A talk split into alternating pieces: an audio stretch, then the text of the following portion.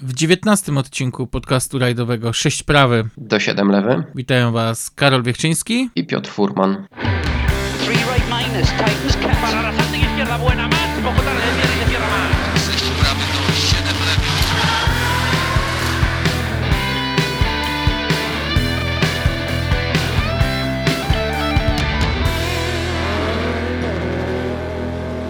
Sezon w pełni chciałoby się powiedzieć, chociaż Race of Champions zawsze kojarzyło mi się z tą przerwą zimową przed rajdem Monte Carlo. No ale widocznie terminy układane były bardziej pod gwiazdy Formuły 1, które no chyba nikogo nie zaskoczyły. Musisz się ze mną zgodzić. Race of Champions, y, tradycyjna impreza, e, po raz kolejny zmieniła lokalizację. Tym razem wyścig mistrzów odbył się w Szwecji. E, na śnieżno-lodowej nawierzchni. Ale czy w związku z tym jesteś zaskoczony? Bo to jest dla mnie najistotniejsze. Czy jesteś zaskoczony, że jednak y, kierowcy rajdowi górą? Nie, nie jestem zaskoczony. Ja zawsze uważałem, że kierowcy rajdowi górą. Tutaj Lep widać jest wybitnie na fali. E, wygrał już czwarty raz, wyrównał rekord e, swojego rodaka Didier Oriola pokonał w finale Sebastiana Vettela. Tam e, chyba e, jak oglądałeś to widziałeś tę śmieszną scenę z próbą otwierania szampana. Tak, tak, tak. E, dosyć duże problemy Vettel miał z szampanem, ale impreza ciekawa. Wszystkich kibiców chyba pozytywnie nastroił wyścig samochodu elektrycznego z Audi Quattro S1, który zakończył się na szczęście zwycięstwem klasycznej rajdówki Audi. Ja mimo wszystko tu będę skupiał się nad zwycięstwem klasycznego Stiga Blomqvista, który już tyle lat za kierownicą, ale im starszy, tym lepszy. Tam no ciężko było mówić o jakimkolwiek błędzie. Widać było, że stary, dobry Stig jechał jak od linijki. No i ta jazda Czyli zaprocentowała. Rajdy górą. Tak, ale pozostańmy może w Szwecji. E, mamy potwierdzenie tego, że druga runda rajdowych Mistrzostw Świata tegorocznych odbędzie się. E, po problemach e, w niektórych rejonach z przeprowadzeniem odcinków specjalnych, na szczęście włodarze rajdu dogadali się i ten rajd ma wystartować. Mm, więcej o rajdzie Szwecji, o jego trochę o historii tego rajdu i startach polskich zawodników powiemy w aktualnościach tuż przed rajdem Szwecji, e, więc nie będziemy może się teraz tak bardzo e, rozwodzić na ten temat. E, I co jeszcze ciekawego powinniśmy dzisiaj powiedzieć? Myślę, że warto wspomnieć, pozostając w świecie mm, rajdowych mistrzostw świata, o nadziejach Malcolma Wilsona na zatrzymanie Sebastiana Leba na troszkę dłużej. Niestety, ale sytuacja jest dość napięta, w zasadzie napięty to jest harmonogram startów e, Seba w tym sezonie. Mm, natomiast Wilsonowi marzy się, żeby pojechać jeszcze cztery rajdy e, z Sebastianem. No, wszystko jest kwestią, myślę, tutaj dżentelmeńskich układów i, um, i pieniędzy. Niestety. No A jak będzie, to zobaczymy. zobaczymy w Portugalii. Zapowiedział, że na pewno nie wystartuje w Chorwacji. Portugalia wydaje się dosyć realna. A co będzie dalej? No, te rajdy do Mistrzostw Świata no, kolidują z tymi zawodami Extreme E e, i z rajdowymi Mistrzostwami Świata rajdów terenowych. E, także to wszystko będzie pewnie się działo na bieżąco. Lep ma Ale... na pewno dużą chęć pojechać jeszcze coś w Pumie Rail 1, to, to bez wątpienia. Natomiast ja dostrzegam też u niego troszkę frustracji związanej z kontraktem z ProDrive'em. Mm, no ale może faktycznie uda się to tak zrobić, żeby, żeby te cztery rundy jeszcze um, pojechać. No, sfrustrowany z pewnością nie jest Malcolm Wilson, e, który wprost szaleje, jeżeli chodzi o e, jakieś posunięcia dotyczące tego sezonu. E, kolejna Puma Rally 1 jest przygotowana już dla kolejnego kierowcy.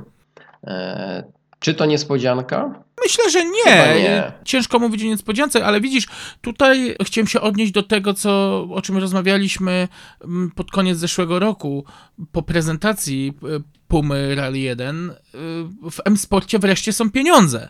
I, I, myślę, że te wszystkie roszady z samochodami to jest pokłosie właśnie tego, że wreszcie M-Sport od, odetchnął po tych y, chudych latach. Teraz y, wsparcie Forte jest na tyle bogate, że no mają ten komfort. Kolejna Puma potwierdzona dla Pierre Louis Loubet.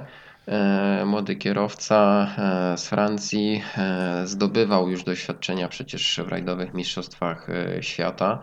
W zeszłym roku wystartował w Hyundaiu i20 WRC. Było to auto wystawione przez satelicki zespół Tusi Competition. No, kilka, kilka pewnie wyników zwróciło uwagę, kilka rezultatów, ale mimo wszystko nie były to jakieś e, wyczyny e, na miarę Kaller Van Pery czy, czy, czy Oliviera Solberga nawet. No tak, Więc... tylko z drugiej strony zwróć uwagę, że Gaz Greensmith też już mieszaliśmy go z błotem, e, a jednak chłopak pokazuje klasę, co było widać jeden na Monte. Odcinek, jeden odcinek specjalny wygrany wiosny nie czyni, także Jasne. ja bym był ale byli kierowcy, ale byli kierowcy nawet jeżdżący dla zespołu M-Sport, który, którzy nawet tego nie osiągali, więc... Okej, okay. um, dobra, ale czy uważasz, czy uważasz, że Lube w twojej, w twojej ocenie to jest efekt poszukiwania talentu przez Malcolma Wilsona? Myślę, że talentu i pieniędzy, bo to pewnie idzie w parze. W przypadku Wilsona to, to jest e, chyba nawet oczywiste, ale okej, okay. Wilson jest w bardzo dobrym humorze. E, wszystko idzie po jego myśli, myślę. Nawet jeśli e, uda się dogadać temat startów Leba. Chyba nawet humoru mu nie popsuł ostatnio Lorenzo Bertelli, który stwierdził, że jednak nie pojedzie rajdu Szwecji. Miał być tam pierwszym kierowcą prywatnym, który wynajmie Puma Rally 1. No bo będzie musiał być na otwarciu domu mody w Mediolanie w tym terminie. To nawet nie tyle chodzi o, o dom mody, co o tydzień mody w Mediolanie, który organizowany jest y, corocznie przez mamę. No to widzę, że jesteś Lorenzo dobrze poinformowany. tak, tak. Był taki czas, że interesowałem się tym tematem dość mocno. Miucia Bertelli, y, przepraszam, Miucia Prada, czyli mama Lorenzo, współorganizuje Milan Fashion Week, y, który, no, tak jak wspomniałem, odbywa się corocznie. W tym roku akurat wypadło to w, terminie kolidującym z rajdem Szwecji. Mm, no i też będzie tajemnicą Policzynela, że no, rodzina raczej niezbyt przychylnie ustosunkowuje się do e, startów Lorenzo i najchętniej to chciałaby, żeby zajął się czymś mm, rozsądnym, czyli modą, e, a nie ściganiem się tam po jakichś lasach, więc na pewno zacierają ręce, że udają się odciągnąć Bertelliego od, od rajdowania. Okej, okay, po raz pierwszy e, to, co powiedziałeś, e, pozostawię bez komentarza. E, nie będę się zanurzał aż tak bardzo w rejony mody. Na koniec taka niewesoła wiadomość. Czarne chmury znowu zawisły nad rajdowymi samochodowymi mistrzostwami Polski. Planowany na pierwszy weekend kwietnia rajd nadwiślański nie odbędzie się w tym terminie. Nie znamy też jakiegoś terminu alternatywnego dla tego rajdu. No pytanie powstaje, czy on y, w ogóle się odbędzie? No to też Automobil Klub Polski na razie milczy. Y, gorzej, że też y, Mistrzostwa Polski straciły najprawdopodobniej swojego sponsora w postaci Profi Auto. Jak na razie nie mamy potwierdzonej żadnej informacji, czy ta współpraca będzie kontynuowana i obawiam się, że jednak nie będzie kontynuowana. E, ten tytularny sponsor e, miał podnieść e, polskie rajdy z kolan, no ale to wszystko widzę zmierza w bardzo złą stronę. Nie wiem, Podniósł i przewrócił na plecy. Przepraszam, ta informacja przelewa troszkę moją czarę goryczy, bo ja pokładałem nadzieję w, już w zeszłym sezonie, że coś się ruszy, ale, ale niestety jest, jest tragicznie i nie wygląda, żeby miało być lepiej. Mm, jest to o tyle smutne, że nie widać nawet tego maleńkiego światełka w tunelu. I informacja, która w tym momencie zaskakuje nas wszystkich na dosłownie kilka tygodni przed rozpoczęciem rajdowych mistrzostw Polski, no wydaje mi się, że to trochę niepoważne, tak, tak patrząc z zewnątrz zupełnie nie rozumiem organizatorów, nie rozumiem promotora. No, może coś musi rzeczywiście runąć, e, coś totalnie się rozbić, żeby zbudować coś nowego. E, no, w polskie rajdy, o kryzysie polskich rajdów mówiliśmy już e, tyle razy, że tutaj nic nowego nie powiemy. Dobrze, w polskich rajdach dzieje się nie wesoło, ale jest takie światełko w tunelu jednak w postaci Huberta Laskowskiego. E, młody, obiecujący kierowca wsiadł w tym roku do mocniejszego samochodu, do Fiesty e, Rally 3. Jest to auto napędzane na cztery koła. No, takim samochodem jechał na przykład e, Sowiesław Zasada w ostatnim rajdzie Safari. Wystartował, Hubert wystartował w rally Sarma w łotewskiej rundzie, która była też e, rundą Mistrzostw Estonii. Zajął tam doskonałe 14 miejsce w klasyfikacji generalnej e, i wygrał e, wśród samochodów Rally 3. Obiecujący wynik, biorąc pod uwagę tego, jak przebiega rozwój kariery tego młodego chłopaka, jesteśmy naprawdę bardzo dobrej myśli, że jednak kierowca biało-czerwonych barwach kiedyś godnie nas zaprezentuje na międzynarodowej arenie. E, z kolei w Mistrzostwach Świata FIA mm, już mocno e, wybiega do przodu i myśli, co po hybrydach. E, wiceprezydent FIA Robert Reid stwierdził, że no, jednoznacznie nie można powiedzieć, że to będą samochody elektryczne, które zastąpią obecne samochody hybrydowe e, około 2025 roku. Więc tutaj jeszcze trzeba będzie e, dużo popracować e, nad formułą, która nas czeka. Czy to będą rajdówki napędzane paliwami alternatywnymi, biopaliwami czy, czy, czy, czy, czy wodorem, tego jeszcze nie wiemy. No prace bądź co bądź cały czas trwają nad właśnie mm, paliwami syntetycznymi, czego najlepszym dowodem jest zespół ProDrive korzystający z takich paliw i właśnie podczas tegorocznego rajdu Dakar. To się sprawdza znakomicie, te paliwa są naprawdę o wiele bardziej mm, ekoprzyjazne. Mm, ja myślę, że to jest słuszny kierunek, y, bo no mimo wszystko samochody rajdowe no muszą wydawać z siebie jakiś dźwięk i to chyba będzie taka e, ostoja normalności w świecie nawet zelektryfikowanej motoryzacji.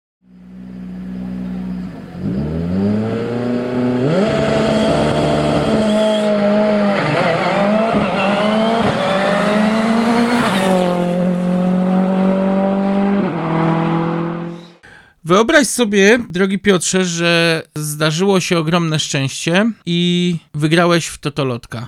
Powiedzmy sumę 4 milionów złotych, bo chyba taka ostatnio była w kumulacji. Ja wiem, że dżentelmeni o pieniądzach nie rozmawiają, ale chciałbym, żebyśmy popuścili trochę wodzy fantazji.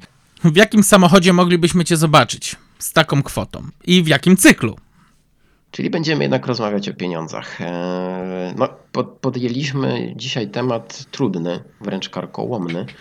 E, rozmawiając o pieniądzach, e, które są nieodłącznym elementem rajdów samochodowych, postaramy się Wam dzisiaj przedstawić przybliżone koszty udziału w rajdach samochodowych i porównać je z czasami minionymi. Skupimy się na razie na czasach współczesnych. E, przypomnę może e, tą drabinkę kategorii e, samochodów, które WRC wprowadziła jakiś czas temu. Będziemy starali się trzymać oczywiście tego podziału. Rally 1, czyli samochody hybrydowe, które zastąpiły samochody WRC. Potem mamy kategorię Rally 2, czyli e, te auta, które kiedyś nazywaliśmy R5, Rally 3, Rally 4, Rally 5, czyli taka najtańsza opcja rajdowania. E, no właśnie, i teraz postaramy Wam się przedstawić koszty na przykładzie tych samochodów, jakie trzeba ponieść, żeby wystartować w rajdach. Obstawiasz jakąś y, kategorię, w której chciałbyś siebie zobaczyć? Biorąc pod uwagę e, totalny brak e, doświadczenia, pewnie zacznę od kategorii Rally 5. Okej, okay, czyli samochody określane jeszcze do niedawna jako R2. No, R1 nawet. R1 nawet, to, tak. Bo to są te, te, te tak, tak juniorskie tak, auta. Tak. E, no i tak, ale zanim wsiądziemy do e, samochodu rajdowego, wypadałoby się stosownie ubrać.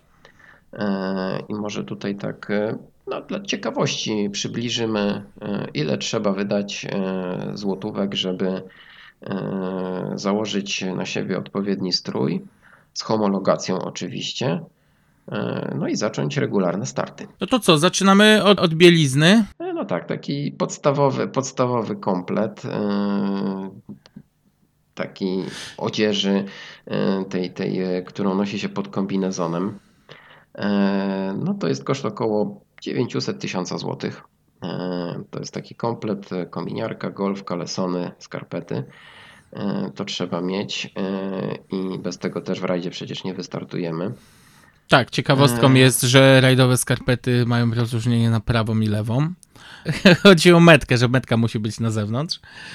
Tak, no niektórzy sędziowie to skrupulatnie sprawdzają, e, więc trzeba się pilnować. E, no, trzeba założyć e, na głowę kask. Kask to jest koszt, no dobry kask minimum 2,5 tysiąca złotych kosztuje. Myślę, że gdzieś w granicach takiej kwoty. Kombinezon, jeśli chcemy kupić nowy, to też koszt około 1000-1500 zł. Rękawice 400 zł to jest chyba taka no, jedna z niższych cen. Buty koszt około 600 zł, ale spokojnie możemy kupić buty za dwa razy tyle i więcej. no, tu raczej, tu raczej warto, warto podkreślić, że wybierasz raczej rzeczy takie mm, z niższej półki, bo. Tak, tak, to nie są ceny wygórowane. Ja raczej starałem się tutaj oszczędzać, e, kompletując taki strój. E, mówię tutaj tylko i wyłącznie o stroju dla jednego członka załogi, dla kierowcy. No, uważam, że e, będę miał na tyle szczęścia, że pilot we własnym zakresie się ubierze. Co jeszcze? E, no, żeby się usłyszeć z pilotem, wypadałoby mieć interkom. Mm, to też koszt e, od 1000 zł zwyż.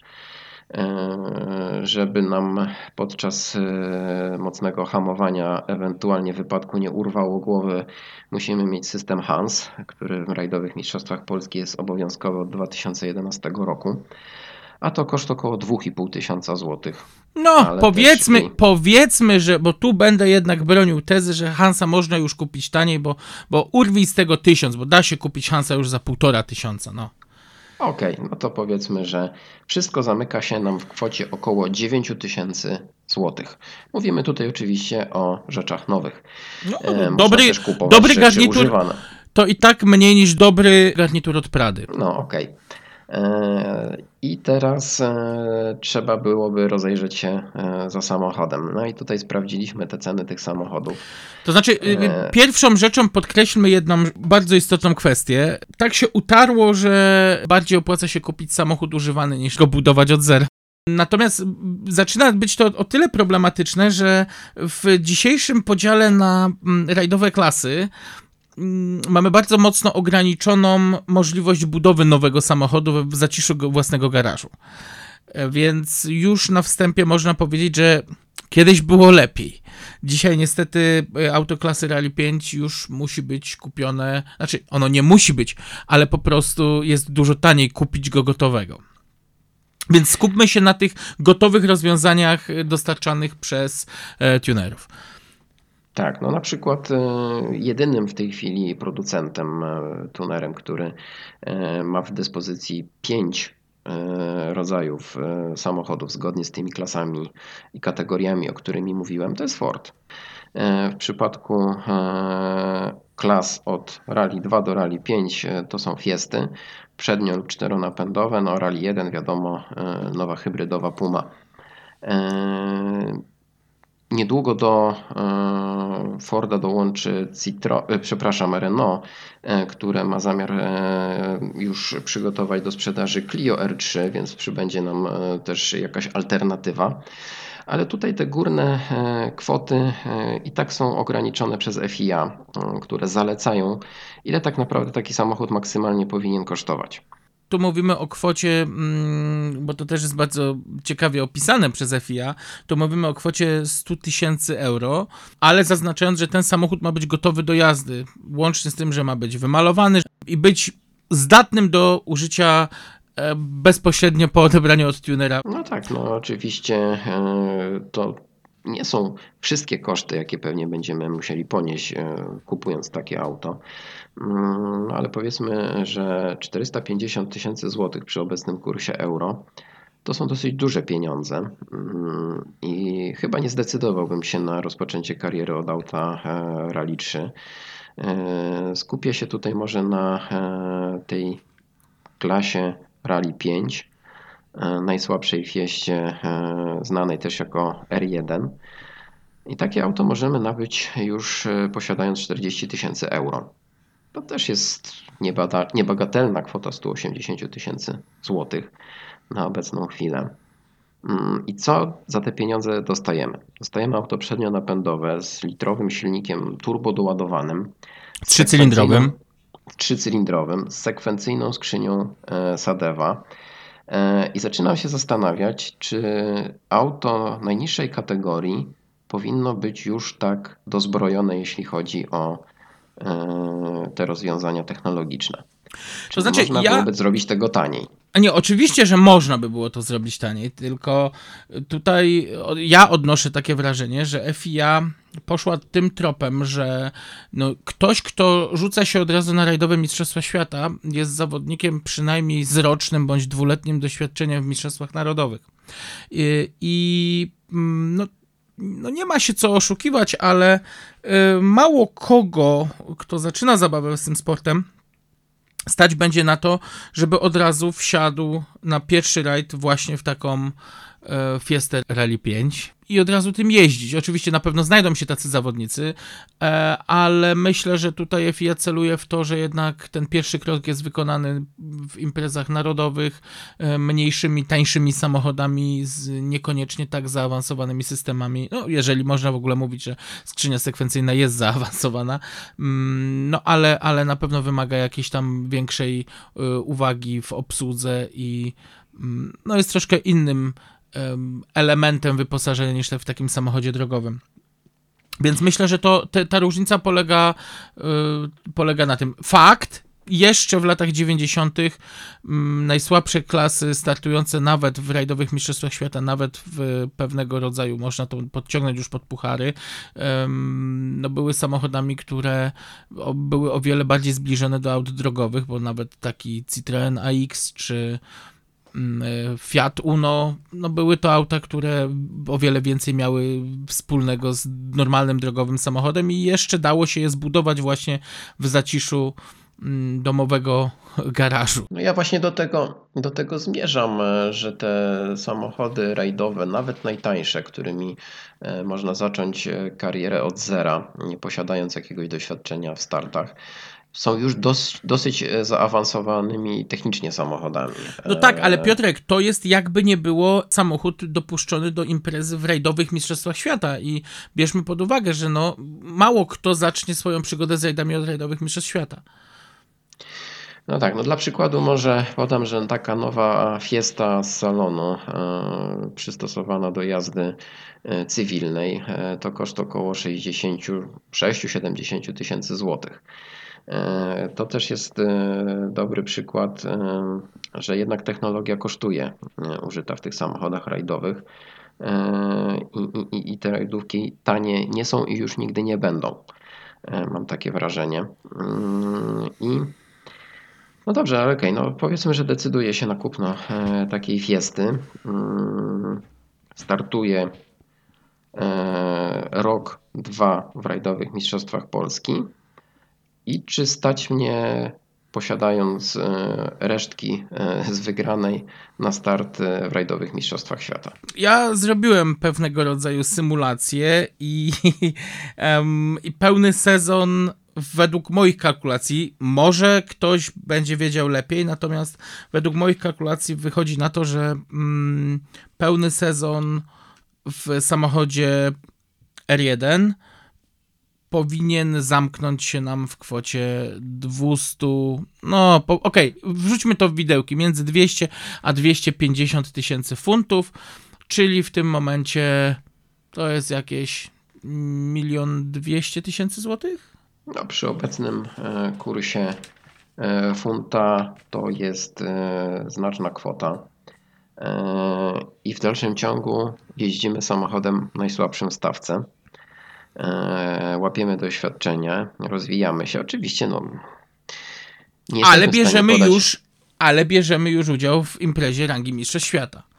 No dobrze, no możemy oczywiście jeszcze się zdecydować na starty w Mistrzostwach Europy, e, co byłoby bardziej naturalną e, drogą rozwoju.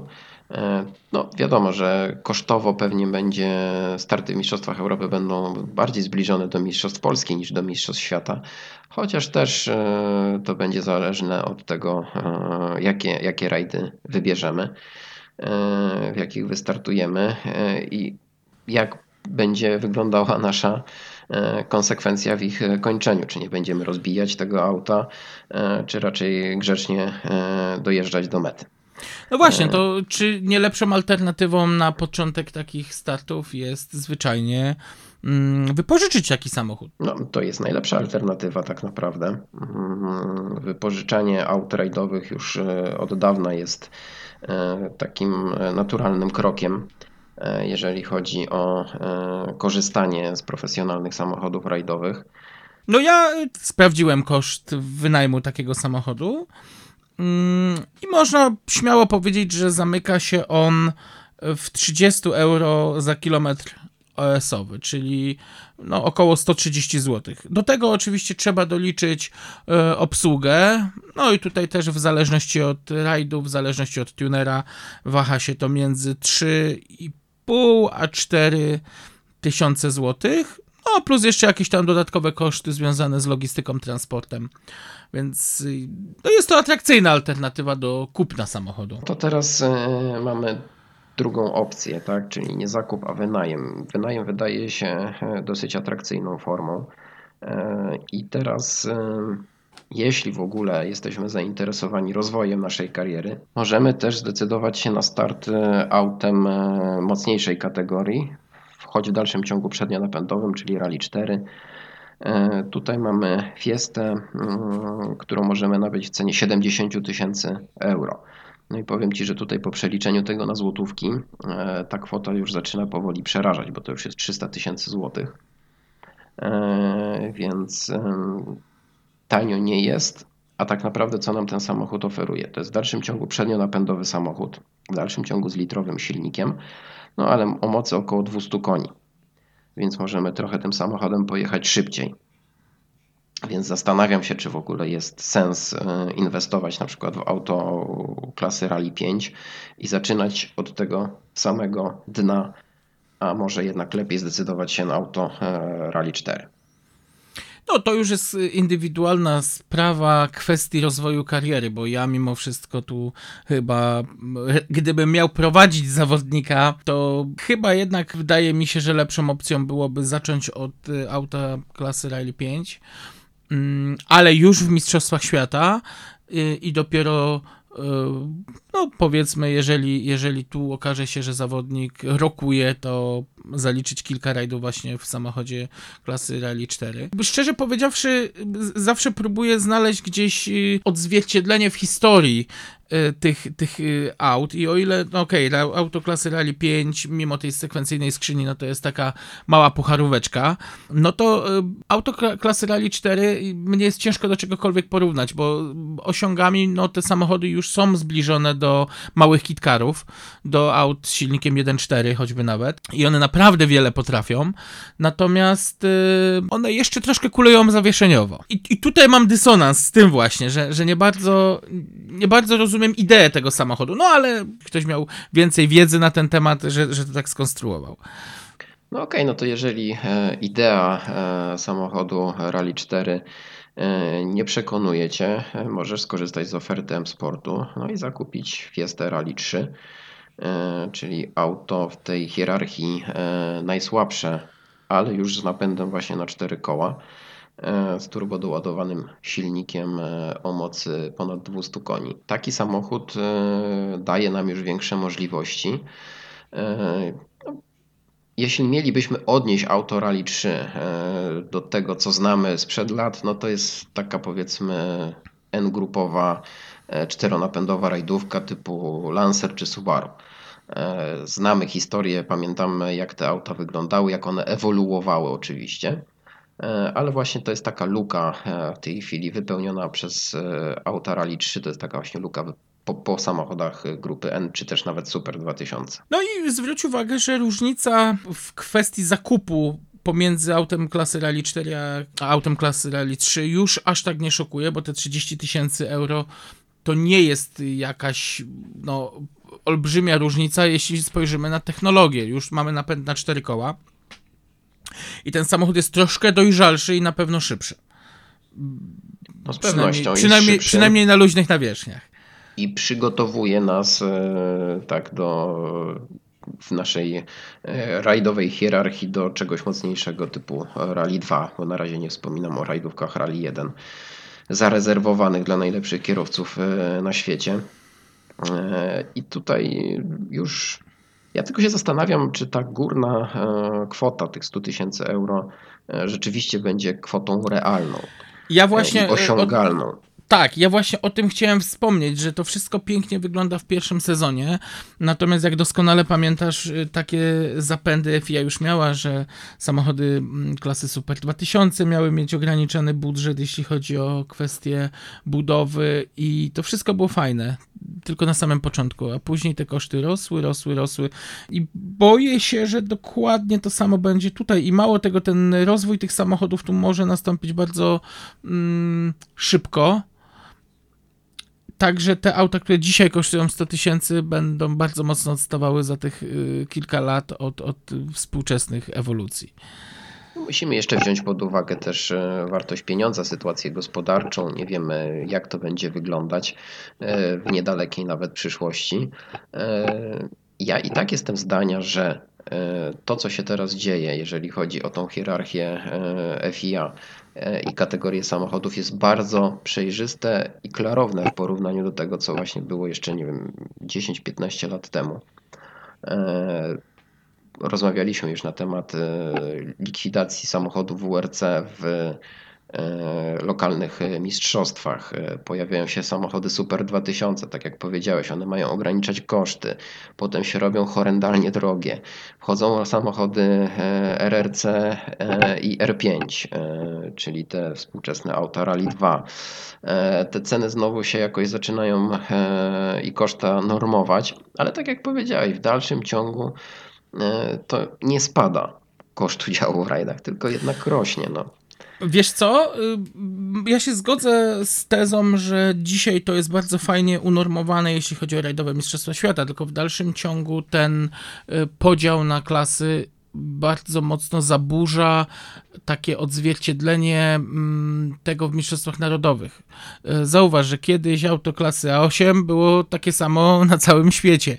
Dzisiaj mm, już pomijam kwestię tego, że autem klas, auto klasy Rally 1 jest y, no, zarezerwowane tylko i wyłącznie dla zespołów fabrycznych, no bo nikt sobie nie zbuduje auta w klasie A8, przepraszam, w klasie Rally 1, tak jak miało to miejsce w, w, w latach y, samochodów budowanych y, przez mniejszych tunerów, mm, więc, bo nikt, nie, nikt, nikt, nikt tego auta nie będzie w stanie homologować, więc jest tak, usystematyzowane na poziomie Mistrzostw Świata, natomiast y, cała reszta jest w dalszym ciągu w rozsypce. Natomiast jeżeli zaimplementujemy ten e, podział na Mistrzostwa Narodowe, no to niestety, ale obetniemy możliwość y, startu, bo poziom wejścia do tego sportu no, będzie o wiele droższy niż jest dzisiaj. Bo tu się nie ma co oszukiwać. Szczególnie.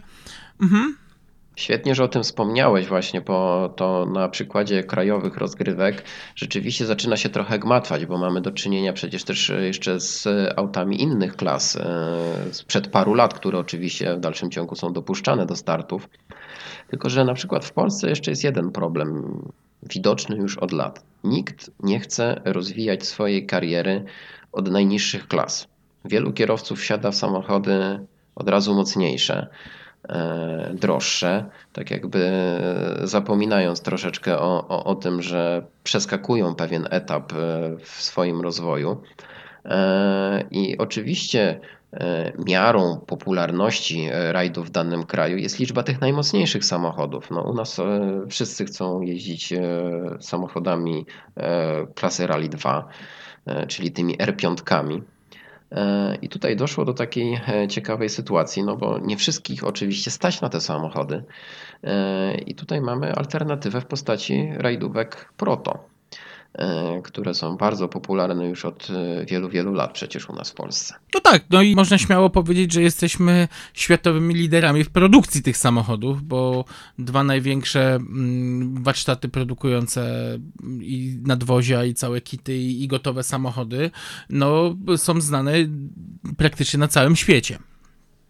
No tak, ja tutaj bardziej bym się skupił na e, autach z urzędowa, e, gdzie rodzina Steców już od wielu lat e, produkuje takie samochody na bazie właśnie Forda Fiesty i podzespołów Mitsubishi Lancera 9 i 10 ewolucji. Te samochody na pewno mm, są, a raczej były dobrą alternatywą dla profesjonalnych aut czteronapędowych. Mówię tutaj o autach R5. E, tylko że chyba te czasy już minęły. Też odnoszę takie wrażenie mm, i to jest nie tylko trend polski, natomiast y, mogę tu powiedzieć z własnego podwórka, z Wysp Brytyjskich, że lokalne organizacje walczą jak mogą z samochodami pokroju Proto robiąc pod górę niesamowicie i mm, w kwestii właśnie przebudowy nadwozi i w kwestii rozwiązań technicznych. Inna rzecz, że Wyspy Brytyjskie to w ogóle jest, bardzo specyficzny kraj, jeśli chodzi o budowę prototypów i samochodów, które są bardzo unikalne dla tych, dla tych rajdów, choćby nawet no tu trzeba wspomnieć o takich konstrukcjach jak Peugeot 306 mm, z silnikiem Coswortha centralnie zabudowanym, który no masakrował praktycznie wszystkich w klasie Open Mm, czy tylno-napędowe fokusy Mark 1, więc y, to akurat jest, jest, jest taka specy lokalna specyfika. Natomiast, y, jak to zauważyłeś, w Polsce te samochody już też mm, nie mają, mm, no już pomijam kwestię przepisów, ale też, y, no zauważ, fizyki nie oszukasz. Skok zawieszenia współczesnego auta klasy R5, technika, jaka tam wchodzi w grę w układzie przeniesienia napędu, no nie ma możliwości walczyć z nawet dobrze poskładanym autem, które bądź co bądź ma swoje odzwierciedlenie w mechanice auta grupy N. No powiedzmy sobie szczerze, że fabryki bardzo mocno odjechały e, autom e, właśnie typu Proto. No, przypomnijmy właśnie e, rozwiązania zastosowane w tych samochodach, e, ponieważ e, to jest tak naprawdę Lancer w innym nadwoziu. Oczywiście mamy tutaj inny rozstaw kół, inny rozstaw osi. Wszyscy uważają, i to nie jest tajemnicą, że najlepiej te auta sprawowały się na układzie napędowym Lancera Evo 9. Silnik i układ napędowy z dziesiątki no już nie robi takiego wrażenia. Tak więc e, sprawdzony układ napędowy z Lancera, e, gdzie rodzina Steców ma opracowaną e, do perfekcji pracę nad Mitsubishi, no, był gwarancją sukcesu. No, przypomnijmy, że te samochody z garażu z urzędowa wygrały chyba cztery rajdy w Mistrzostwach Polski. Z tego co pamiętam, to zwycięstwo odnosił Brian Bouffier i jeden rajd wygrał e, Mariusz Stec. E, no ale tak jak już powiedziałem, e, fabryki mocno odjechały. Odjechały cenowo, ale też technologicznie. Zakup takiego Proto na pewno jest dosyć kuszący, jeżeli chodzi właśnie o cenę, bo nowe takie auto kosztuje około 350 tysięcy złotych w tej chwili. E, mamy tam sekwencyjną e, skrzynię już, e, zawieszenie z pakietu R4, czyli z tego ostatniego takiego rozwoju auten grupowych, które pamiętamy. Używany samochód można kupić około 100 tysięcy złotych mniej, ale tak naprawdę ten samochód już sprawdza się tylko i wyłącznie w rallycrossie. I tam tych samochodów będzie pewnie coraz więcej. A w Mistrzostwach Polski no jednak jeżeli chcesz walczyć o tytuł mistrza Polski, e, musisz mieć auto e, Rally 2, czyli, czyli tą profesjonalną fabryczną R5. No więc sam widzisz jednak, że skądś ta cena samochodu klasy R5, nawet używanego samochodu klasy R5, która w dalszym ciągu oscyluje w granicach tych no 150-200 tysięcy euro, jednak no, musi się musi się gdzieś to, to skądś się to brać. Więc to No dobrze, nie jest tutaj dla mnie już mówimy-. Tak, ale tu już właśnie mówimy o e, kosztach rzędu no, około miliona złotych. No i tutaj zaczynają się już naprawdę poważne pieniądze. E, oczywiście, no, wiadomo, że ta, taka kwota jest inaczej postrzegana przez kierowcę, który może dopiero e, chce wsiąść w takie auto i startować w Mistrzostwach Polski, a inaczej postrzegana na przykład przez takiego Michała Sołowowa, który e, no, nie ma problemu, tak żeby takie auto wynająć i wystartować w rajdzie Szwecji. Jasne, tylko Tak. wspomniałeś, tu, Mhm. tylko wspomniałeś tutaj właśnie o dwóch różnych światach. Na zasadzie e, o osobie, która jest bardzo biegła w obsłudze tych e, rajdowych ustrojstw, mm, bo nie oszukujmy się, e, pan Sołowow ma doświadczenie i za kierownicą samochodu WRC, i za kierownicą R5, e, i za kierownicą auta mm, Super 1600 i grupy N, więc jest babu kierowcą, który jest bardzo mm, biegły technicznie w prowadzeniu tych samochodów. E, Natomiast no, chyba mało kto, kto faktycznie zacznie karierę, nawet z dużym budżetem, od razu wsiada w R5. Ym, A jeszcze mniej z zawodników, którzy wsiądą w R5 jako w pierwszy samochód, mogą liczyć na jakiś sukces. To jest właśnie to, o czym, o czym wspomniałeś, że jest bardzo duży rozrzut pomiędzy Mistrzostwami Świata a Mistrzostwami Narodowymi, szczególnie Mistrzostwami Polski, że cała masa młodych kierowców y, z dużym budżetem od razu wsiada w bardzo mocne samochody. Mm, No i chyba sam się ze mną zgodzisz, że to no, nie procentuje później. Mm, Pamiętam taką rozmowę, którą odbyłem kilka ładnych lat temu z Juchą Kankunenem, y, właśnie do, dotyczącą szkolenia młodych talentów. I on właśnie położył nacisk na to, że większość latających Finów, pomimo tego, że no, gdzieś wsiadali koniec końców w bardzo mocne samochody, to jednak karierę zaczynali od. y, no, za jego czasów starych eskortów, które początkowo posiadały moc nie przekraczającą często 100 koni mechanicznych i właśnie dzięki temu to był ten pierwszy samochód w tej rajdowej drabinie. Oni uczyli się szacunku do prędkości, oni uczyli się jak utrzymywać tą prędkość, że zjawisko zachowania pędu, że, że ten samochód nie ma się zatrzymywać, on ma po prostu jechać y, jak najbardziej y, stabilnie, równo, y, nie szarpiąc, nie hamując gwałtownie. Natomiast jeżeli wsiądziemy w mocny samochód, to już nie, nie szanujemy tej prędkości tak e, dosadnie, jak właśnie w przypadku aut powolnych. I niestety to wypacza nam całkowicie technikę jazdy. W mojej ocenie jest w tym dużo prawdy i, i, i trudno się z tym nie zgodzić. Święte słowa, tutaj dobrze właśnie powiedziałeś o tym szanowaniu prędkości, bo e, zaraz przeniesiemy się w czasie e, i opowiemy trochę, jak to wyglądało 20 lat temu, e, jakie koszty mniej więcej wtedy były, ale to za chwilę. Ja jeszcze tutaj bym e, zatrzymał się przy tych samochodach Proto i e, Rally 2, czyli R5, e, bo z prostego rachunku wynika nam, że taka Fiesta Proto jest trzy razy tańsza od e, dobrego auta e, Rally 2. Ale czy też jest trzy razy gorsza? Ciężko to ocenić. Tak jak już powiedzieliśmy, te samochody fabryczne mocno odjeżdżają. No ale w rzeczy, samej, rzeczy samej nie musimy takiego auta kupować. Tak jak już wcześniej wspomnieliśmy, można takie auto wynająć. Więc jakie są koszty e, wynajmu takiego samochodu e, R5 i ile by nas kosztował e, program startów w Mistrzostwach Polski na przykład? Przyznam szczerze, że nie wiem, nie mam pojęcia, ale jestem bardzo ciekaw, a na pewno masz takie informacje. No te ceny są dosyć konkurencyjne w tej chwili, ale rozpiętość też ich robi wrażenie, bo koszt e, wynajęcia takiego samochodu, e, koszt za kilometr OS-owy to jest e, od 100 powiedzmy do 160 euro. E, O dziwo, najdroższe jest w tej chwili Polo, e, które no nie było zbyt udaną e, konstrukcją, ale to auto w Ono chyba w ciągu- ogóle jest najdroższe też w zakupie. tak, e, tutaj musimy się liczyć z kosztem około 140 euro za kilometr OS-owy. E, Tutaj z paliwem bez opon e, jest to wszystko e, wyliczone i bez ubezpieczenia, bo tutaj też trzeba wziąć pod uwagę jeszcze ubezpieczenie, które będzie nam potrzebne Mhm. na rajd. a koszt ubezpieczenia jest uzależniony od tego, jaki poziom reprezentujemy, poziom umiejętności, czy rozbijamy te samochody, czy, czy, czy raczej dojeżdżamy do mety. No i taka polówka jest najdroższa i w wynajmie, ale też w zakupie, bo cena takiego auta to jest około 240 tysięcy euro w tej chwili. E, gdzie też FIA mm, walczyło e, z takim ograniczeniem e, cen samochodów Rally 2 mm, na poziomie 190 tysięcy, no powiedzmy tam 200 tysięcy euro. Ale i zarówno Polo, jak i Skoda i tak tą kwotę przewyższają w tej chwili.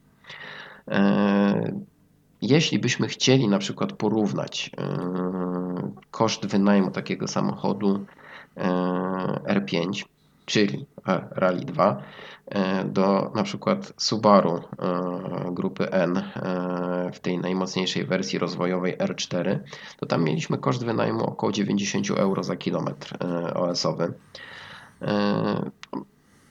Ciężko powiedzieć, czy to jest duża różnica. No, musimy wziąć pod uwagę, że takie Subaru jeździło no, około 10 lat temu.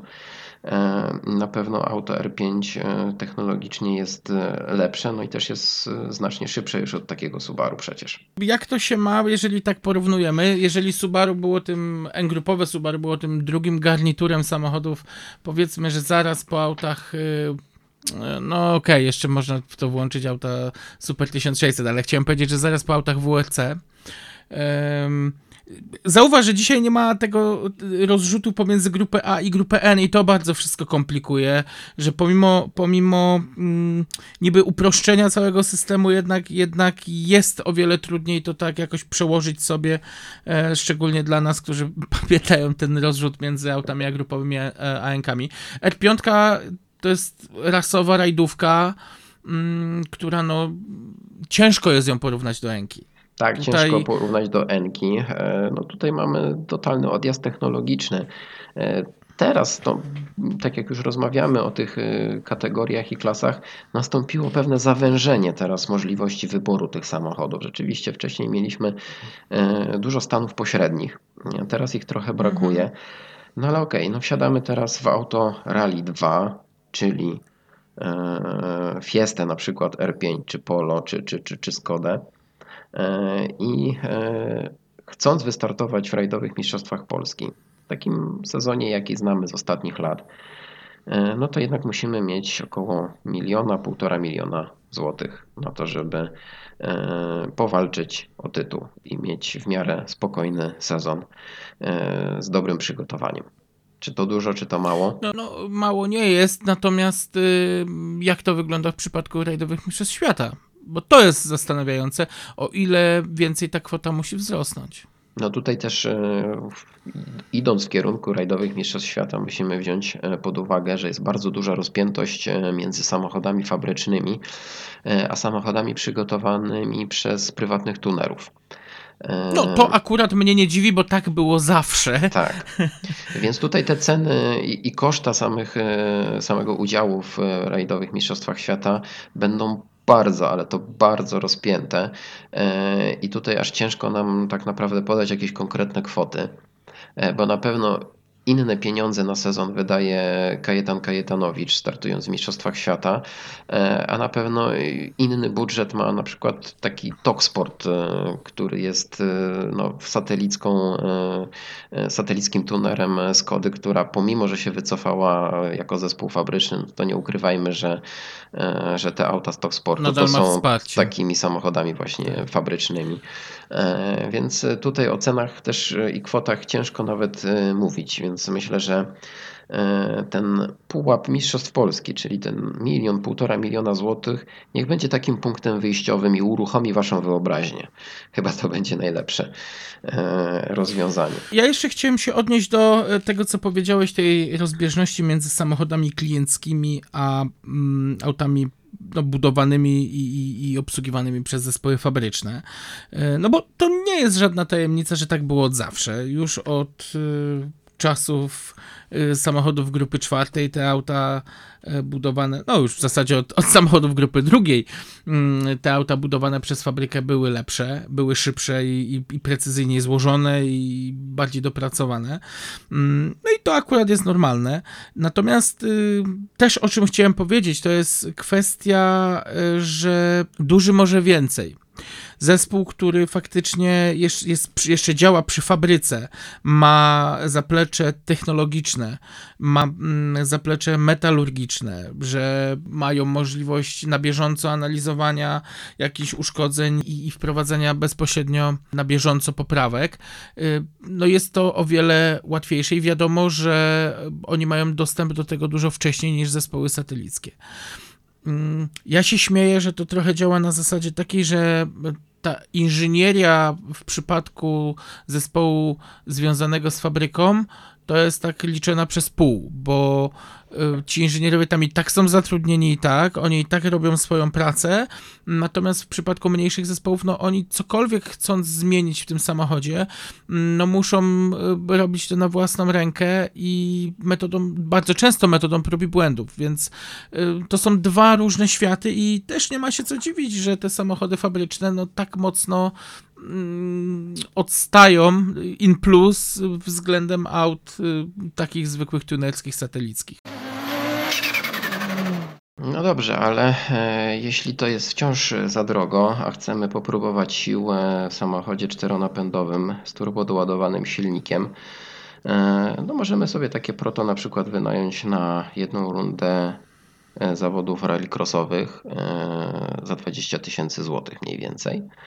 E, a jeśli chcemy pobawić się naprawdę w tanie rajdy, bo na szczęście jest jeszcze taka opcja, te rajdy wcale nie muszą kosztować aż tak dużo. E, mamy na przykład opcję tylno-napędowego klasycznego BMW, e, które możemy nabyć w tej chwili już przygotowane profesjonalnie za kwotę około 40-50 tysięcy złotych i wystartować nim w Mistrzostwach Litwy, gdzie rozgrywany jest puchar. BMW E46. Mm, tam możemy się pościgać takim ponad 200-konnym tylno-napędowym samochodem, który na pewno daje mnóstwo frajdy. W bardzo dobrze obsadzonej klasie, e, ponad 10 samochodów chyba w tej chwili tam startuje.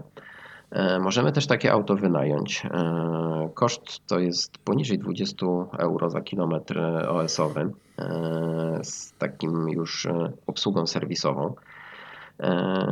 I tutaj jeszcze jednak jest takie światełko w tunelu mm, na tańsze rajdowanie. Bo tutaj chyba chcemy udowodnić, że kiedyś było zacząć starty taniej i łatwiej. No tak, ale właśnie tak. I, i, i mamy tutaj ten wspólny mianownik w postaci magicznego słowa puchar. Tak. Bo zauważ, to. że wszędzie tam, gdzie pojawia się puchar, tam mamy gwarancję tego, że jest tanio i dobrze. I ciekawie. Właśnie. A puchary markowe, przecież tak popularne w Polsce, e, rozkręcały bardzo rywalizację na rajdowych trasach ponad 20 lat temu.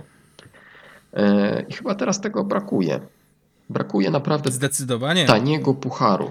Taniego, podkreślam, e, który by spowodował dużo większe zainteresowanie młodych zawodników bez zasobnych portfelów. No nie ukrywajmy. Jeżeli chcemy łowić talenty, E, to musimy jednak obniżyć koszty tych e, pierwszych samochodów rajdowych. E, no bo przecież podrażając koszty zakupu i udziału w rajdach, łowimy tylko nie talenty, a bogatych zawodników.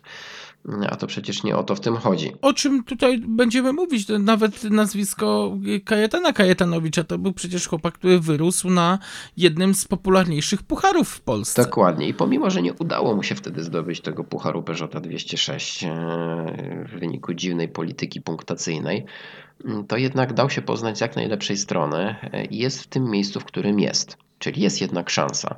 I tutaj właśnie chciałbym teraz e, wsiąść do wehikułu czasu i przenieść się do końca lat 90.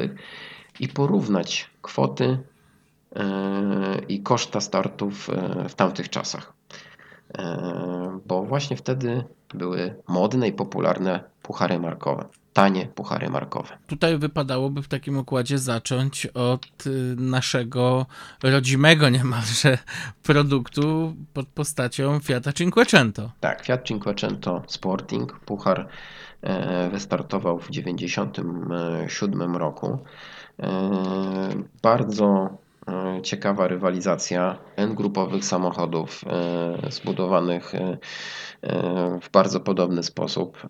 Oczywiście każdy mógł doinwestować takie auto i, i, i posiadać samochód bardziej konkurencyjny, ale już wtedy, mając 30 tysięcy złotych, mogliśmy kupić sobie Fiata Cinquecento, czy później nawet Fiata Seicento, no myślę, że to Seicento było już trochę droższe, i zacząć startować w rajdowych mistrzostwach Polski.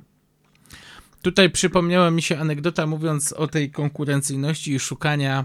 Mm, no nie chciałbym mówić koni, bo, bo faktycznie tam nie, były, nie było wiele możliwości manewru e, z mocą. Ale, ale mówiłeś coś o szanowaniu prędkości. Tu bardziej chodziło mi o mm, kwestie modyfikacji zawieszenia, które też były bardzo mocno ograniczone, bowiem o ile dobrze pamiętam, chyba pierwsze pucharówki były zobligowane jeździć na produktach e, cross, no tylko nie wiem, czy teraz czegoś nie mylę, tak. jeśli chodzi o wyścigi, więc... Nie, tam w e, rajdówkach też, chociaż można było zastosować e, i amortyzatory innego producenta. E, okej, okay, okej. Okay. To nie zmienia faktu, że to była w dalszym ciągu bardzo tania forma rozpoczęcia kariery. Tak, Natomiast przypomniałeś mi właśnie anegdotę, jak y, po odebraniu pierwszej transzy samochodów rajdowych zawodnicy mm, no, przez kilka nocy upalali te auta na nieistniejącej już hopie na mucharzu. Tylko po to, żeby po prostu zdeformować przednią część y, nadwozia kolumn, żeby one się po prostu zeszły do siebie, żeby auto miało większy negatyw. Samoistne przygotowanie samochodu do sezonu, tak, bardzo ciekawe, już można było też potrenować i pojeździć. E, samochody niezawodne, wbrew pozorom takie Cinquecento czy Seicento e, było prostym samochodem konstrukcyjnie. Ono oczywiście było małe, biorąc też pod uwagę e, rodzaj klatek bezpieczeństwa zachowanych, zastosowanych wtedy, można byłoby teraz powiedzieć, że o Jezu, jakie to były niebezpieczne samochody. E, no jednak e, kierowcy nie bali się, wsiadali realia, no. tak, i, i, zaczynali kariery. No. Weźmy pod uwagę poziom zarobków, e, może pod koniec lat 90., na przełomie XX i XXI wieku.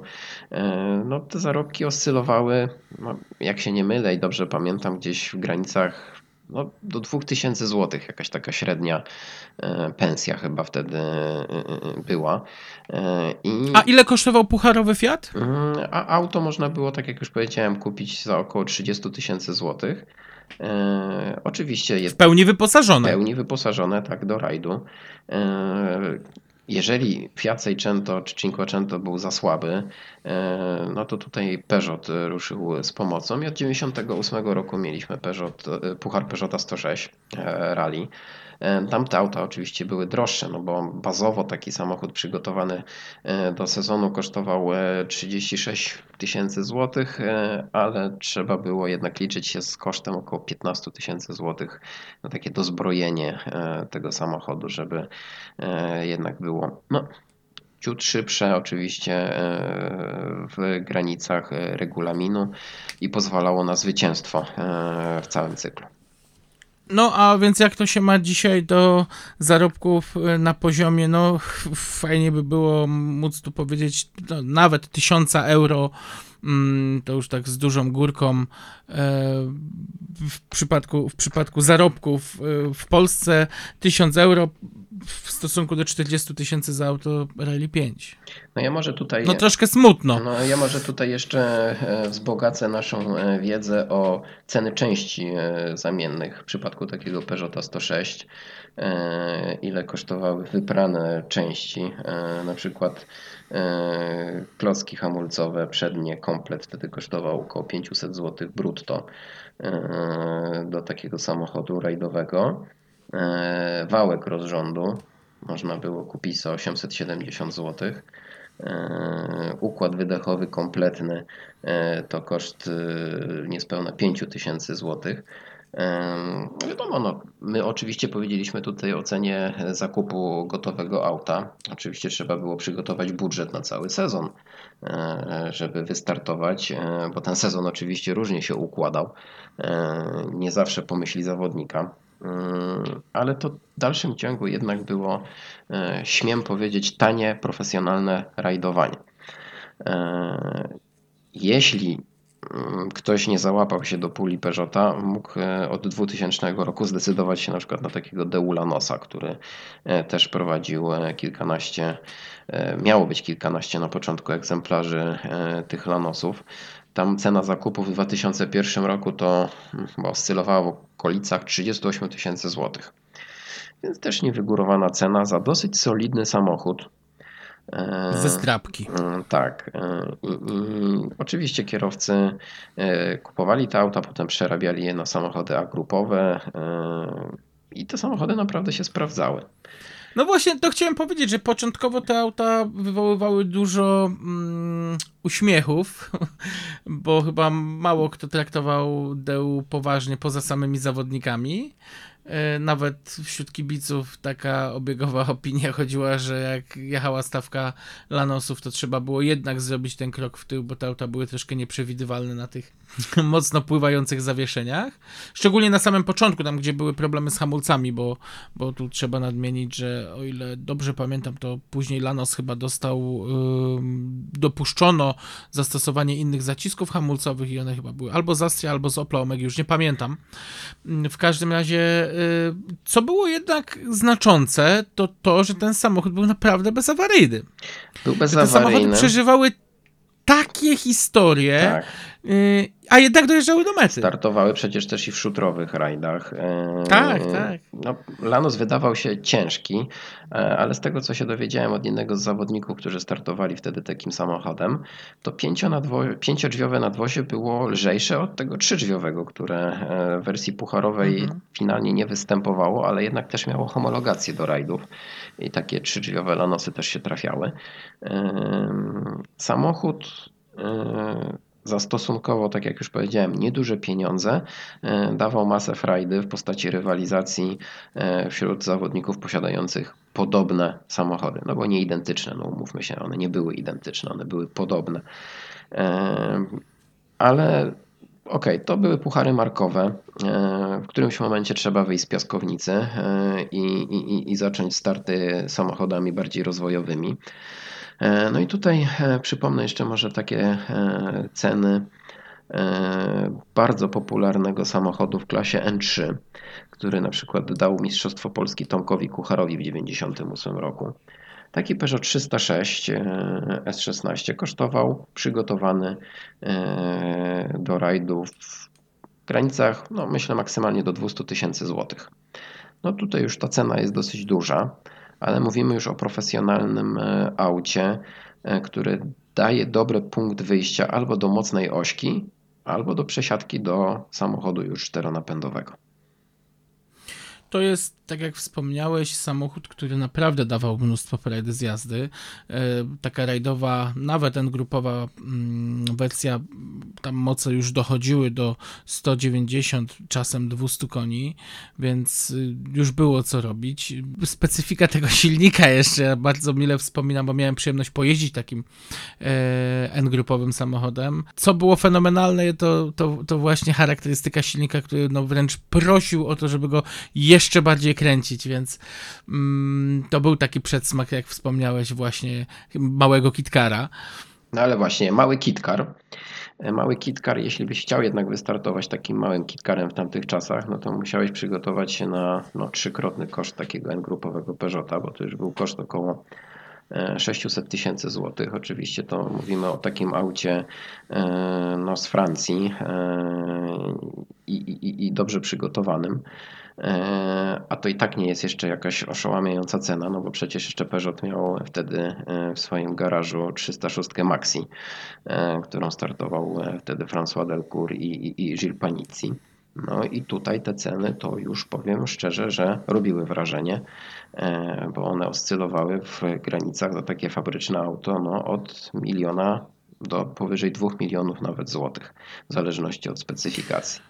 No, do tego jeszcze doliczmy kwestię części zamiennych, bo my cały czas mówimy o mm, kosztach zakupu samochodu. Natomiast y, co trzeba podkreślić, to, Tak. to, to, to fakt, że wraz z awansem na mocniejsze klasy, mm, no jednak rośnie y, koszt obsługi tego samochodu, koszt inspekcji między rajdami, koszt części zamiennych i to już jest niestety, ale naprawdę znacząca różnica. No ale te ceny samego zakupu, czyli wartości tego samochodu, powiedzmy rajdowego egzemplarza, e, są takie dosyć obrazujące i moim zdaniem robią wrażenie w dalszym ciągu. Mogliśmy wtedy też się zdecydować na tańsze e, auto typu KitKar. E, Na przykład taka Skoda Felicia KitKar można było kupić ją już za około 100 tysięcy marek, no, czyli po dobrym e, targowaniu takie auto e, e, pamiętam można było nabyć od Damiana Gielaty chyba finalnie za 60 tysięcy marek. Ono e, z taką ceną e, było ogłaszane e, 20 mm, ponad 20 lat temu już. E, Można było też to auto wynająć. E, 10 tysięcy marek to była taka kwota za wynajęcie tego auta na rajd. Samo auto bez części to wtedy była kwota taka no, za, za, za, za gołe auto, więc tutaj też trzeba byłoby doliczyć e, jeszcze sobie opony, części, paliwo. E, Robią wrażenia na tobie te, te, te, te wartości? No robią, robią, to się nie ma co oszukiwać, tylko z drugiej strony miejmy świadomość tego, że to już była profesjonalna grupa, to już był samochód, który naprawdę był w stanie mm, powalczyć i, i, i no, szczególnie mówiąc tutaj o kitkarach, y, to już takie przedmurze do samochodów klasy WRC. Tak, ale y, jeszcze mieliśmy y, alternatywę w postaci Mitsubishi Lancera na przykład. E, Bardzo popularnego przecież samochodu rajdowego wtedy w Polsce. E, Takie auto e, w wersji Evo 4 mogliśmy kupić około 80 tysięcy marek już wtedy używane. Ale ten wyścig zbrojeń wtedy też był dosyć wyraźny, więc w 1998 roku już się pojawiło Evo 5. E, To auto seryjne, jak dobrze pamiętam, kosztowało chyba wtedy około 60 tysięcy marek. Ale żeby z niego uczynić e, taką dosyć konkurencyjną rajdówkę, musieliśmy dorzucić mm, no, jakieś 100-150 tysięcy marek jeszcze. E, Mniej więcej taką e, wartość posiadało auto Leszka Kuzaja. E, Po przeliczeniu to, tego na złotówki to było około 330-350 tysięcy złotych. Co było jeszcze też fajne właśnie w ściganiu się w grupie N, to bardzo duża konkurencja, bo nie sposób było kupić e, auto, z którym, w którym ścigało się z własnym cieniem, natomiast w przypadku klasy N4, no w Polsce szczególnie, to naprawdę była gwarancja dobrej zabawy. No w latach 2000, 2000 powiedzmy dwa, e, no to mieliśmy nawet taki nieformalny puchar Lancera. E, Tak. Przypomnijmy te wszystkie Evo 5, Evo 6 e, z urzędowa biły rekordy popularności. Nie jestem w stanie teraz tego zweryfikować ani ostatecznie sprawdzić, ale obiły mi się o uszy kwoty rzędu nawet 80 tysięcy złotych wynajęcia takiego auta na rajd. Eee, Naprawdę, mam nadzieję, że jeżeli ktoś będzie e, tego słuchał, to będzie w stanie też zweryfikować tą kwotę. Eee, Tutaj nie byłbym zaskoczony, jeśli jednak e, nawet i takie pieniądze e, trzeba było położyć na, na, na stół, żeby takim samochodem wystartować. Ale w dalszym ciągu jesteśmy w, w obrębie tych tańszych samochodów jednak. Faktem jest, że w pewnym momencie samochody z urzędowa były tak popularne, że było więcej chętnych niż e, samych samochodów, bo były czasy takie, że e, urzędowski rallyard e, no, przywoził auta dla połowy stawki w e, grupie N. No P4. tak. E, Więc tutaj trzeba było konkretną monetę na stół położyć e, i, i, i- można było się cieszyć e, jazdą takim e, topowym Lancerem. Ale jeśli jesteśmy już przy mocnych czteronapędowych samochodach i te ceny coraz większe są, te kwoty wymieniamy coraz większe, no to może przejdźmy już do e, kwintesencji e, rajdowania, czyli do samochodów WRC. No, tutaj było w pewnym momencie naprawdę duże pole do popisu, bowiem e, tunerów, którzy przygotowywali mocne, szybkie auta, było bardzo wielu. Praktycznie pod każdą szerokością geograficzną ktoś przy wódcach e, dłubał. Można było mieć samochód z Czech, można było mieć samochód z Belgii, z Włoch mm, czy z Wielkiej Brytanii. Tych, tych tunerów naprawdę było multum. Natomiast e, to też przekładało się na konkurencyjność e, w przypadku cen. Warto też nadmienić, że e, sam rozrzut technologiczny, no bo nie oszukujmy się, auta z, z początku lat e, klasy WRC bardzo mocno różniły się e, z, względem samochodów po roku 2000, więc to też przekładało się na, na cenę. No tak, no ale Stąd okay. też Stąd też można powiedzieć, że koszt zakupu, koszt z jakim trzeba było się liczyć w przypadku zakupu takiego samochodu oscylował e, powiedzmy po 2000 roku między 600 a e, no 800, czasem i 900 um, tysięcy funtów. No dobrze, to w takim razie, żeby nie owijać w bawełnę, e, to powiedz mniej więcej, ile mogła być warta impreza WRC Krzyśka Hołowczyca w 98 roku? No to był samochód z górnej półki, więc ja y, tutaj śmiało będę obstawiał taką wartość w granicach 800 tysięcy funtów. No właśnie, ja cię świadomie o to zapytałem, bo to było jedno z najdroższych aut y, wtedy, które e, jeździły po polskich odcinkach tak. specjalnych, tak. ale tak jak już wcześniej wspomniałeś, były e, tańsze możliwości nabycia czy, czy wynajmu e, samochodu WRC. I na przykład taka Toyota Corolla WRC, która w różnych specyfikacjach była była dostępna. E, można już e, taką Toyotę było nabyć za 900 tysięcy e, marek. Było to auto, co prawda bez joysticka, jest jednym aktywnym dyferencjałem. Na pewno droższy, wtedy dużo droższy był Focus WRC, wyceniany na około 1600, miliona, przepraszam, 600 tysięcy marek.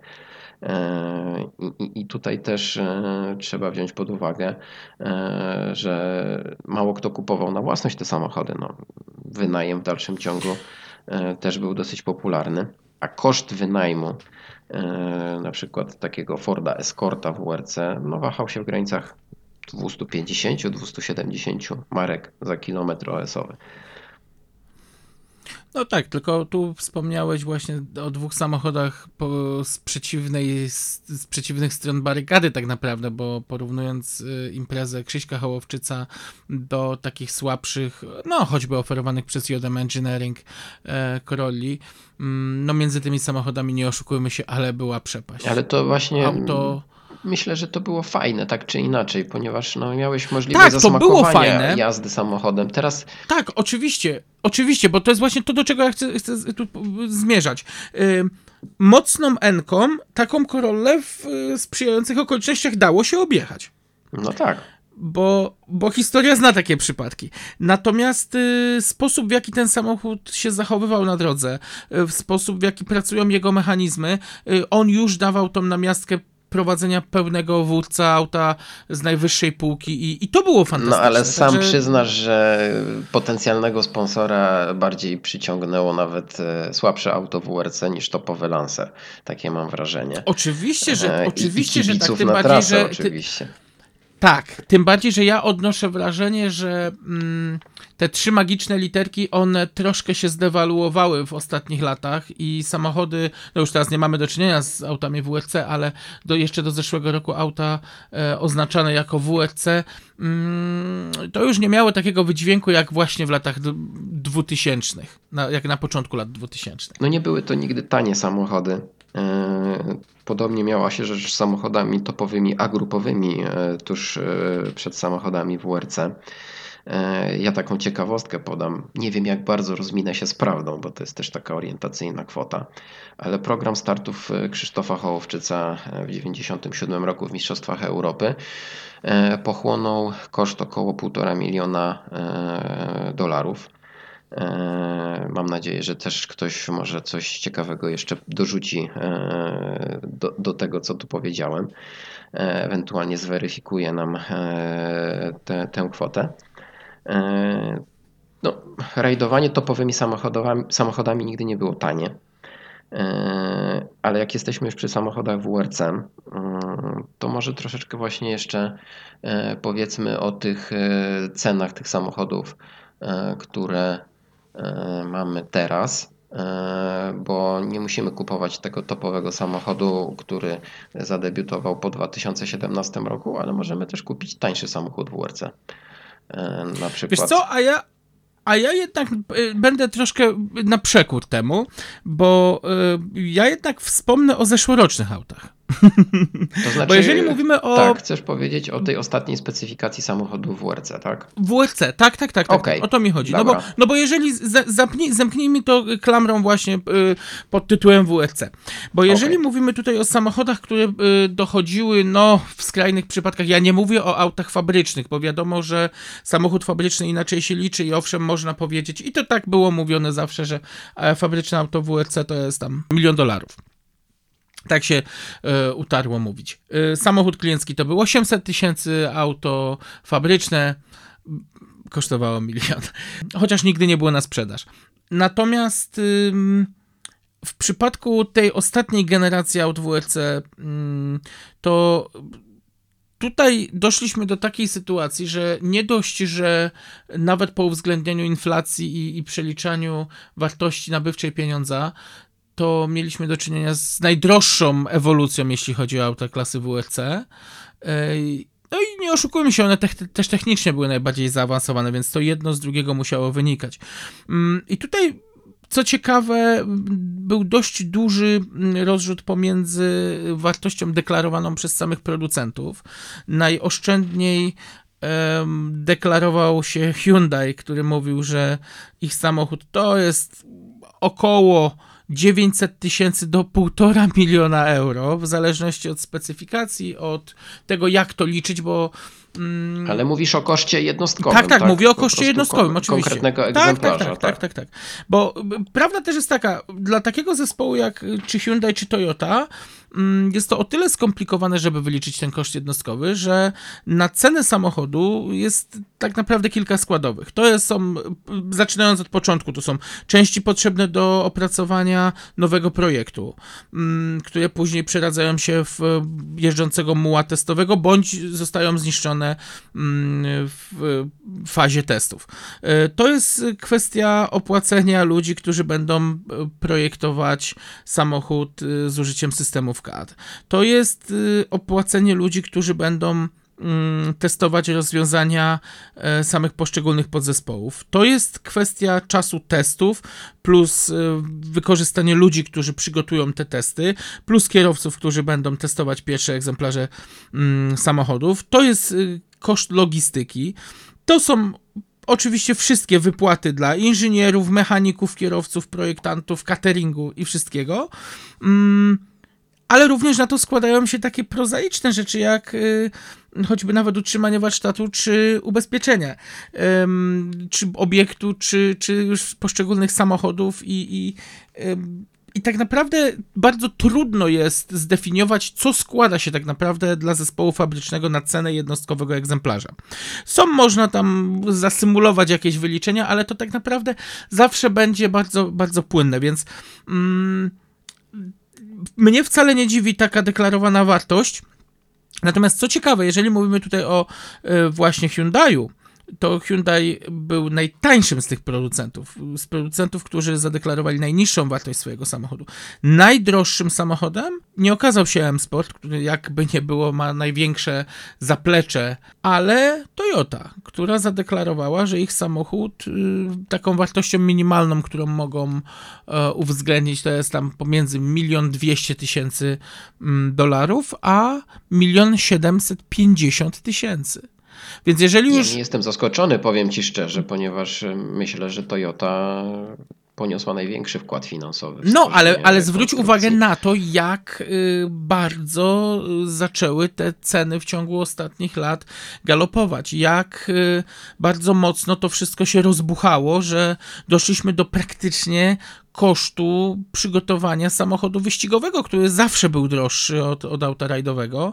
Mm. Tak, to jest kwota absurdalna wręcz, o której mówisz, e, ale okej. Okay. Tylko ja jeszcze, tylko, powiedzieć... tylko jeszcze, mhm. przepraszam, że ci wejdę w słowo, tylko ja jeszcze chcę tutaj nadmienić, na czym to polega, bo, bo tak jak mówię, kwestia, kwestia budowy auta to jest jedno, kwestia zamówienia części to jest, to jest druga rzecz. Nawet budując krótką serię samochodów, my jesteśmy mm, zmuszeni do zamówienia e, większej ilości podzespołów. Prosty przykład. Zamawiamy mm, przednią szybę ogrzewaną do na przykład Toyoty.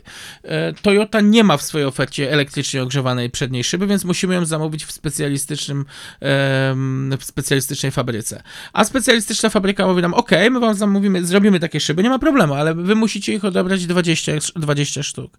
Więc my nawet dla muła testowego jesteśmy zmuszeni e, zamówić 20 sztuk takiej szyby i choćby nawet, co się dość często zdarza, w procesie e, badawczo-rozwojowym nagle okazuje się, że o, pod szybie trzeba podnieść o 1,5 cm do góry, co się dzisiaj szczególnie zdarza w dobie kompozytów, gdzie um, konstrukcja nadwozia jest bardzo płynna um, i musimy to przerobić. I te 20 szyb, które zamówiliśmy, po pierwszym egzemplarzu już mm, no idą do śmietnika, no niestety, bo, bo nie da się ich wykorzystać do niczego innego. I te koszty jednak się gdzieś tutaj właśnie mm, rozchodzą. No, właśnie w najlepszy sposób wytłumaczyłeś, e, jak i dlaczego e, tak drogi jest program e, wytworzenia takiego samochodu rajdowego topowej klasy.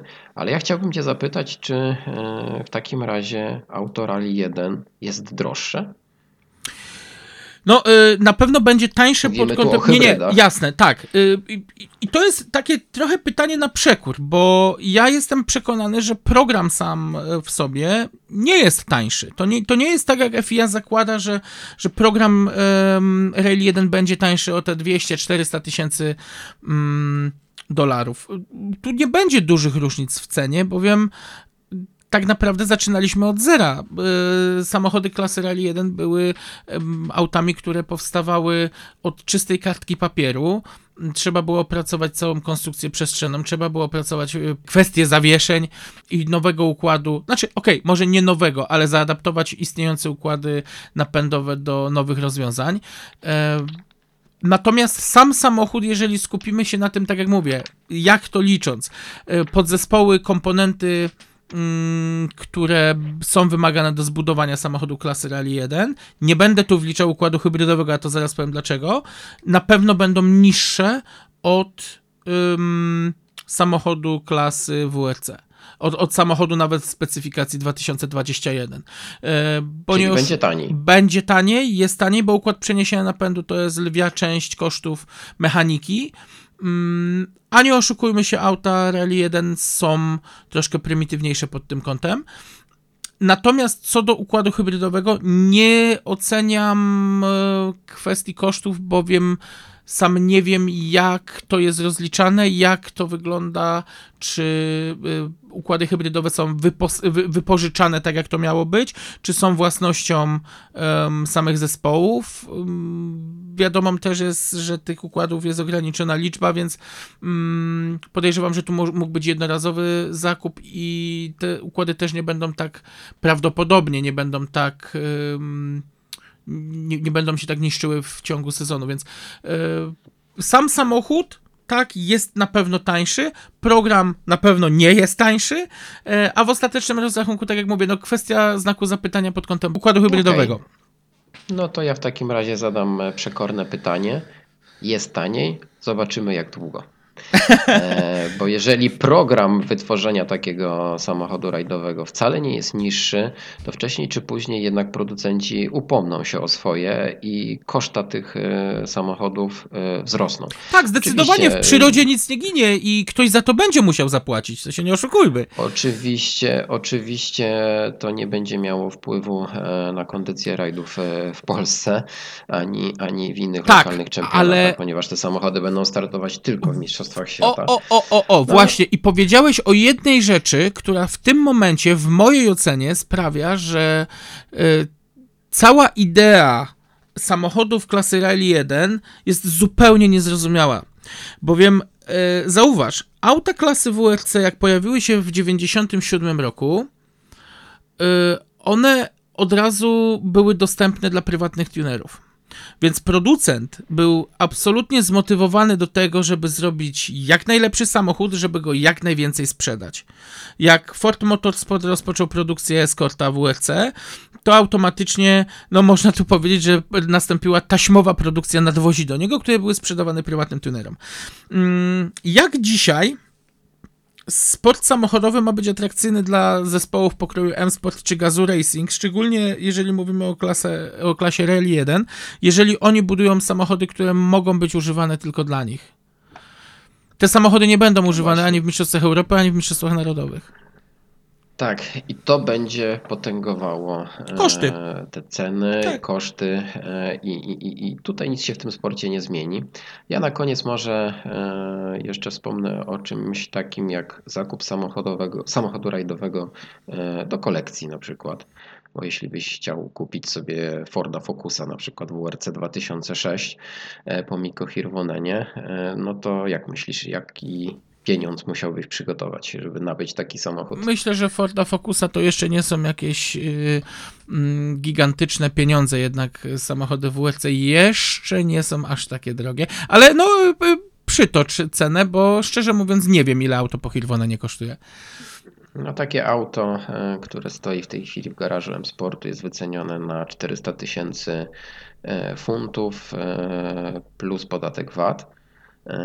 No taka pokaźna kwota e, za auto, którym tak naprawdę, no nie wiem, gdzie mógłbyś wystartować, jakbyś bardzo chciał. No, imprez wbrew pozorom jest cała masa dla samochodów historycznych i to jest fantastyczne, bo mając takiego Focusa em, jest gdzie jeździć wbrew pozorom, szczególnie w Europie Zachodniej. Natomiast y, przyznam szczerze, że tak w mojej ocenie jest to cena absolutnie nie mająca przełożenia na realną wartość tego auta, bo za te pieniądze mówimy tutaj o pół miliona. mm, To było w funtach czy w euro, przepraszam?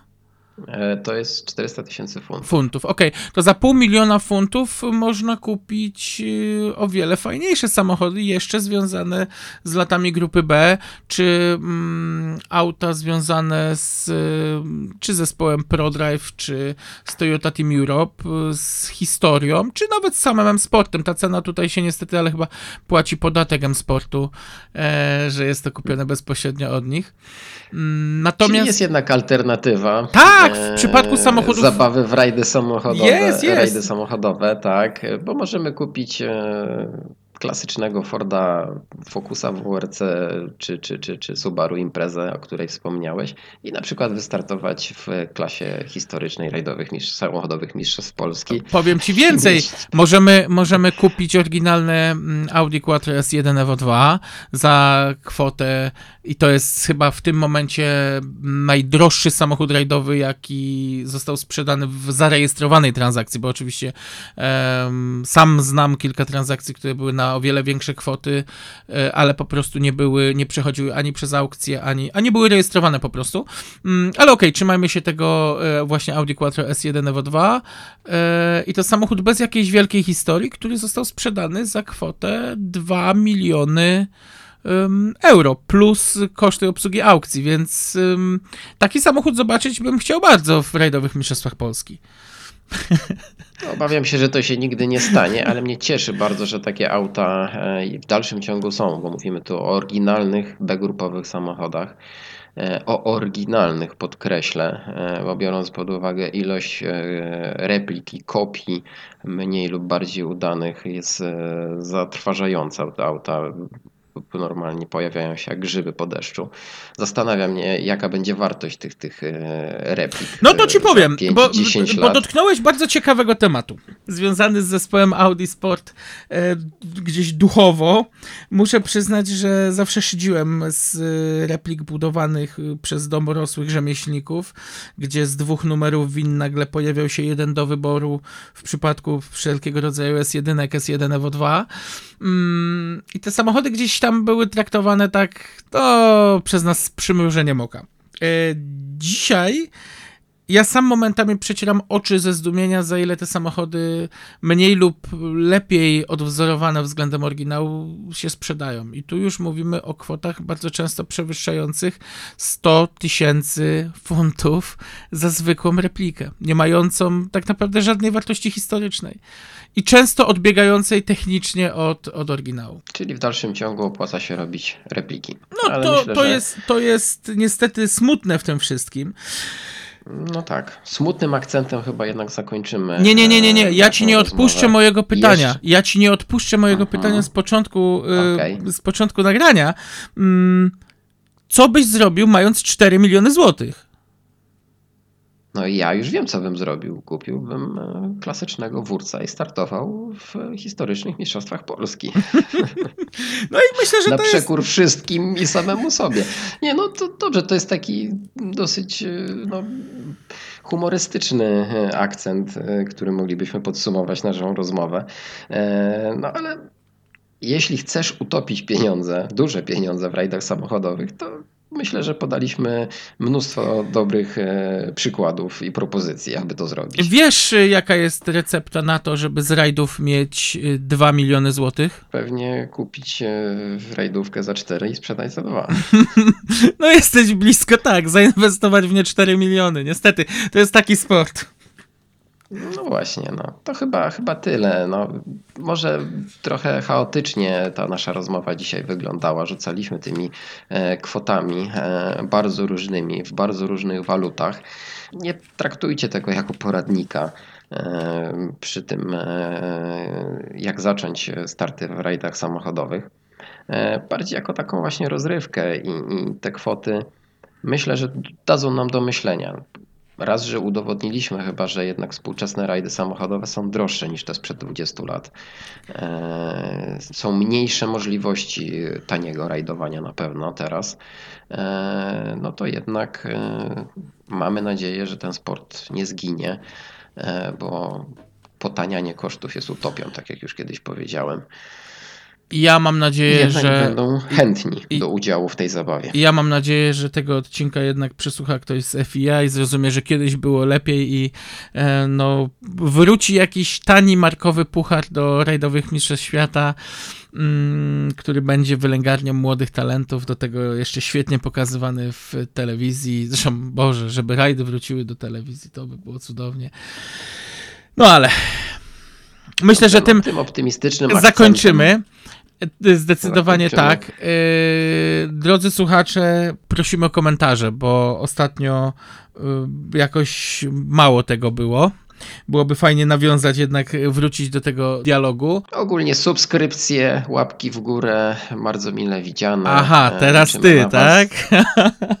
No wiesz, w końcu jednak e, nie chciałbym, żebyś to tylko ty e, występował w roli żebrzącego o profity e, YouTube'a. Szykujemy dla was kilka niespodzianek, yy, ale na razie cicho sza. Natomiast fajnie by było, gdybyście dali nam znać, co chcielibyście zobaczyć, yy, niekoniecznie usłyszeć, ale zobaczyć również we wpisach na naszym fanpage'u, bo tam dzieje się naprawdę dużo i byłoby miło, żebyście jakiś nam dali odzew pod tym kątem, a my to chyba właśnie przekujemy w pewną niespodziankę, którą dla was szykujemy. Okej, ja to podsumuję e, klasycznie. E, sekcja komentarzy jest dla Was. E, Słyszymy się w przyszłym tygodniu. E, Przygotujemy e, materiał przed rajdem Szwecji. Porozmawiamy, jak już wspomniałem, o historii tego rajdu. Ale to w przyszłym tygodniu. A na razie dziękujemy za uwagę. I do usłyszenia. Do usłyszenia. Three right minus, tightens